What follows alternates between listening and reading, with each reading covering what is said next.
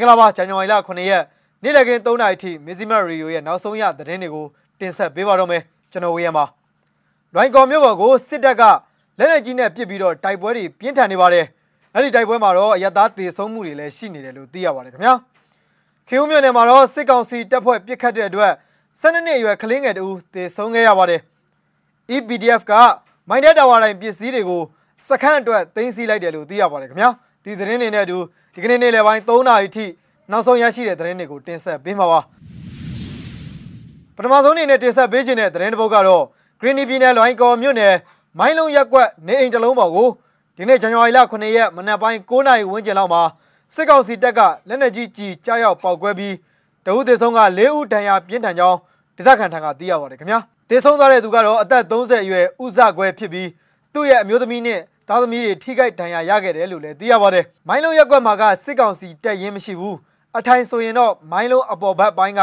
GDC ကျောင်းမှာတော့တက်ဆွဲထားတယ်။ကျောင်းကအမြင့်ပိုင်းမှာရှိတော့မိုင်းလုံးမြင်ကွင်းကိုမြင်ရတယ်။ဘယ်ကပြစ်လဲတော့မပြောတတ်ဘူး။လမ်းမကြီးမှာတော့သူတို့လူတွေရှိနေတယ်။မနေ့က7နာရီခွဲအချိန်လောက်ကစပြီးမိုင်းလုံးဘက်မှာပြစ်ခတ်မှုစတင်တာပါ။အင်အားများတယ်လို့ယူဆပါတယ်။အချို့အိမ်တွေဆိုရင်ကြည်ထိတယ်။ခေါင်းမိုးတွေပါပေါက်သွားတယ်လို့ဒိုင်ကော်မြို့ပေါ်ပြစ်ခတ်မှုအခြေအနေကို ရက်ကွက်နေပြည်သူတူကပြောပါတယ်ခင်ဗျာဂရင်းနီပြည်နယ်လွိုင်ကော်မြို့ပေါ်နဲ့တမော့ဆူမြို့ပေါ်မှာအကြမ်းဖက်စစ်ကောင်စီတပ်နဲ့ဒေသခံကာကွယ်တပ်တွေကြားမှာအခုရက်ပိုင်းအတွင်းမှာတိုက်ပွဲတွေပြင်းထန်လျက်ရှိနေပါတယ်လွိုင်ကော်မြို့နယ်ကရန်တာယာကျေးရွာအနီးအကြမ်းဖက်စစ်ကောင်စီတပ်ရဲ့ကင်းမုံစခန်းတစ်ခုကိုလည်းမနေ့ကဇန်နဝါရီလ6ရက်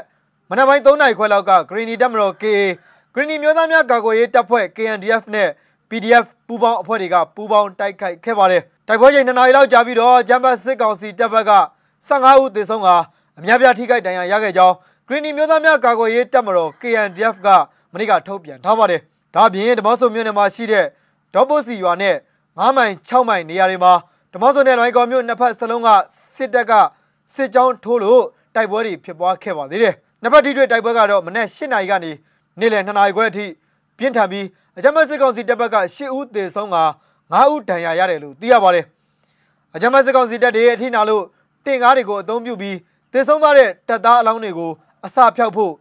ရုပ်အလောင်းတွေကိုအိမ်ထဲထည့်ပြီးတော့မီးရှို့ခဲ့တယ်လို့ KNDF ရဲ့ထုတ်ပြန်ချက်မှာရေးသားထားပါတယ်။အဲလိုထိနာတဲ့စစ်ကောင်စီတပ်ကတော့6မိုင်ကျေးရွာတွင်နေအိမ်လေးလုံးနဲ့အထက်မီးရှို့ဖျက်ဆီးခဲ့ကြောင်းသိရပါတယ်ခင်ဗျာ။ကာကွယ်ရေးတပ်ဖွဲ့တွေဘက်ကတော့တိုက်ပွဲဆက်ရှိနိုင်တဲ့အတွက်တတိထားဖို့အကာအကွယ်ယူဖို့ရှောင်ရှားဖို့အတိပေးထားပါတယ်။ဒေသခံချုပ်ကတော့နေရက်စွန့်ခွာပြီးရှောင်နေတဲ့သူတွေရှောင်ကုန်ကြပြီလို့ မိုင်းလုံးရက်ကွက်မှာနေထိုင်သူပြည်သူတို့ကလည်းပြောပါတယ်။ဒေသခံကာကွယ်ရေးတပ်ဖွဲ့တွေကိုတိုက်ပွဲအခြေအနေသိစိတ်ကိုဆက်သွယ်စုံစမ်းပေမဲ့ဖုံးလက်ခံဖြေကြတာမျိုးတော့မရှိသေးပါဘူးခင်ဗျာ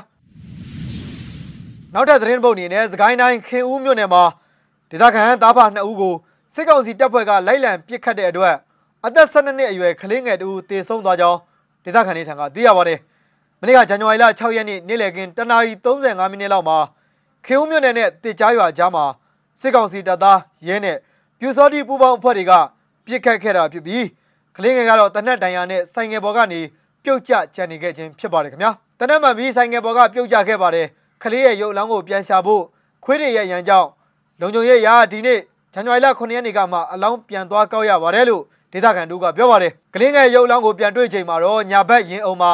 တနက်တန်ရာနဲ့ပက်လက်အနေထားတေဆုံးနေတာကိုတွေ့ရပါတယ်ခင်ဗျာအဲ့ဒီသားဖကတော့ ရွှေဘိုဘက်ကနေခင်ဦးနယ်ဘက်ကိုလက်ခွင်းတွေထဲမှာကြွက်ထိုးရန်လာတယ်လို့သိရပြီးစစ်ကောင်စီတပ်သားတွေကအဝေးကနေလှမ်းပြီးတော့ပြစ်ခတ်ရမှာဆိုင်ငယ်နဲ့မောင်းပြေးတဲ့အချိန်ကလင်းငယ်ကိုတနက်ထိမှန်ခဲ့တာဖြစ်တယ်လို့သိရပါတယ်ခင်ဗျာအဲဒီလိုပြစ်ခတ်တဲ့စစ်ကောင်စီတပ်သားရဲနဲ့ပြူစောတိပူပေါင်းဖွဲ့တွေကတော့လက်နက်အားကိုးနဲ့ခင်ဦးမြို့နယ်ကန်တဲ့ရွာကပြည်သူပိုင်စပါးကင်းတွေကိုအတင်းအဓမ္မရိတ်သိမ်းယူဆောင်နေတဲ့အဖွဲ့ဖြစ်ကြောင်းဒေသခံတို့ကပြောပါတယ်မကွေးတိုင်းကသတင်းနဲ့ဆက်ချင်ပါတယ်မကွေးတိုင်းမြိုင်မြို့နယ်တွင်းမှာရှိတဲ့ စစ်ကောင်စီတောက်တိုင်းမိုင်းတဲတာဝါတိုင်းကပစ္စည်းတွေကိုဖောက်ခွဲဖျက်ဆီးပစ်တာမျိုးတွေမလုပ်ဘဲထုတ်လုပ်ရေးစခန်းမှာပြန်လည်အသုံးပြုသွားမှာဖြစ်တယ်လို့ EPDF စီကနေသိရပါတယ်ခင်ဗျာဇန်နဝါရီလ6ရက်မနေ့ကညနေ4နာရီလောက်ကအဲ့ဒီတာဝါတိုင်းမှာတက်ဆင်ထားတဲ့မီးစက်ဆိုလာနဲ့ဘက်ထရီအိုးတွေကိုစခန်းမှာလိုအပ်နေတဲ့နေရာမှာသုံးဖို့ယူဆောင်လာခဲ့တယ်လို့ EPDF တာဝန်ခံကပြောပါတယ်ထုတ်လုပ်ရေးစခန်းအတွက်လိုအပ်လို့မီးစက်ဆိုလာပြားနှစ်ချက် ACDC ပြောင်းတဲ့ဆက်တွေကိုမဖြတ်စည်းပဲအဲ့ဒါတွေယူတာ မင်းအောင်နိုင်တဲ့မိုင်းတဲကုမ္ပဏီကိုကျေးဇူးတင်ရမလို့ဖြစ်နေပြီကျွန်တော်တို့မှာငွေအင်အားအလောက်ဝယ်ဖို့မပြည့်စုံတာရဲ့ပြီးတော့တစ်ချက်ခုတ်နှစ်ချက်ပြက်ဖြစ်တာပေါ့လို့သူကပြောပါတယ်။မြန်မြို့နယ်ဟာစစ်ကောင်စီနဲ့ဒေသခံကာကွယ်ရေးတပ်တွေကြားမှာမကြာခဏဆိုသလိုတိုက်ပွဲတွေဖြစ်ပွားရာဒေသတစ်ခုဖြစ်ပြီးကာကွယ်ရေးတပ်တွေအနေနဲ့လည်းမြန်မြို့နယ်တွင်းကစစ်ကောင်စီတောက်တိုင်မိုင်းတဲတာဝါတိုင်နဲ့အခြားဌာနဆိုင်ရာရုံးတွေကိုဇက်တိုက်ဆိုသလိုဖောက်ခွဲတိုက်ခိုက်လျက်ရှိနေပါတယ်ခင်ဗျာဒီကနေ့နေ့လယ်ပိုင်းရဲ့နောက်ဆုံးသတင်းပုတ်အနေနဲ့ရွှေဘုံမြို့နယ်က ဆီယနာရှင်စန့်ကျင်ဖြုတ်ချရေးတပိတ်စစ်ကြောင်းတစ်ခုကိုလည်းဖွင့်ပြပေးကြပါတယ်ခင်ဗျာ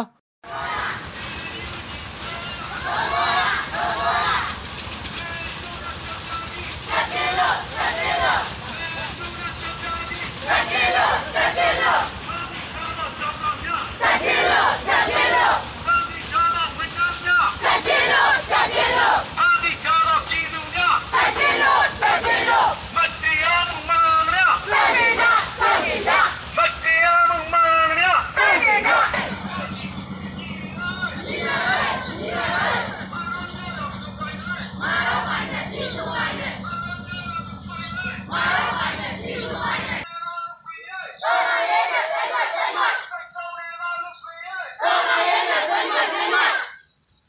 စစ်ကောင်စီကိုထောက်ပံ့သူတို့ရသူတို့ရသူစစ်ကောင်စီကိုထောက်ပံ့သူတို့ရသူတို့ရသူတော်ရရကြီးအောင်ပါရဲ့မိသားစုတို့တာပဲတော်ရရကြီးအောင်ပါရဲ့မိသားစုတို့တာပဲတော်ရရကြီးအောင်ပါရဲ့မိသားစုတို့တာပဲစစ်ကောင်စီကိုထောက်ပံ့သူတို့ရသူတို့ရသူ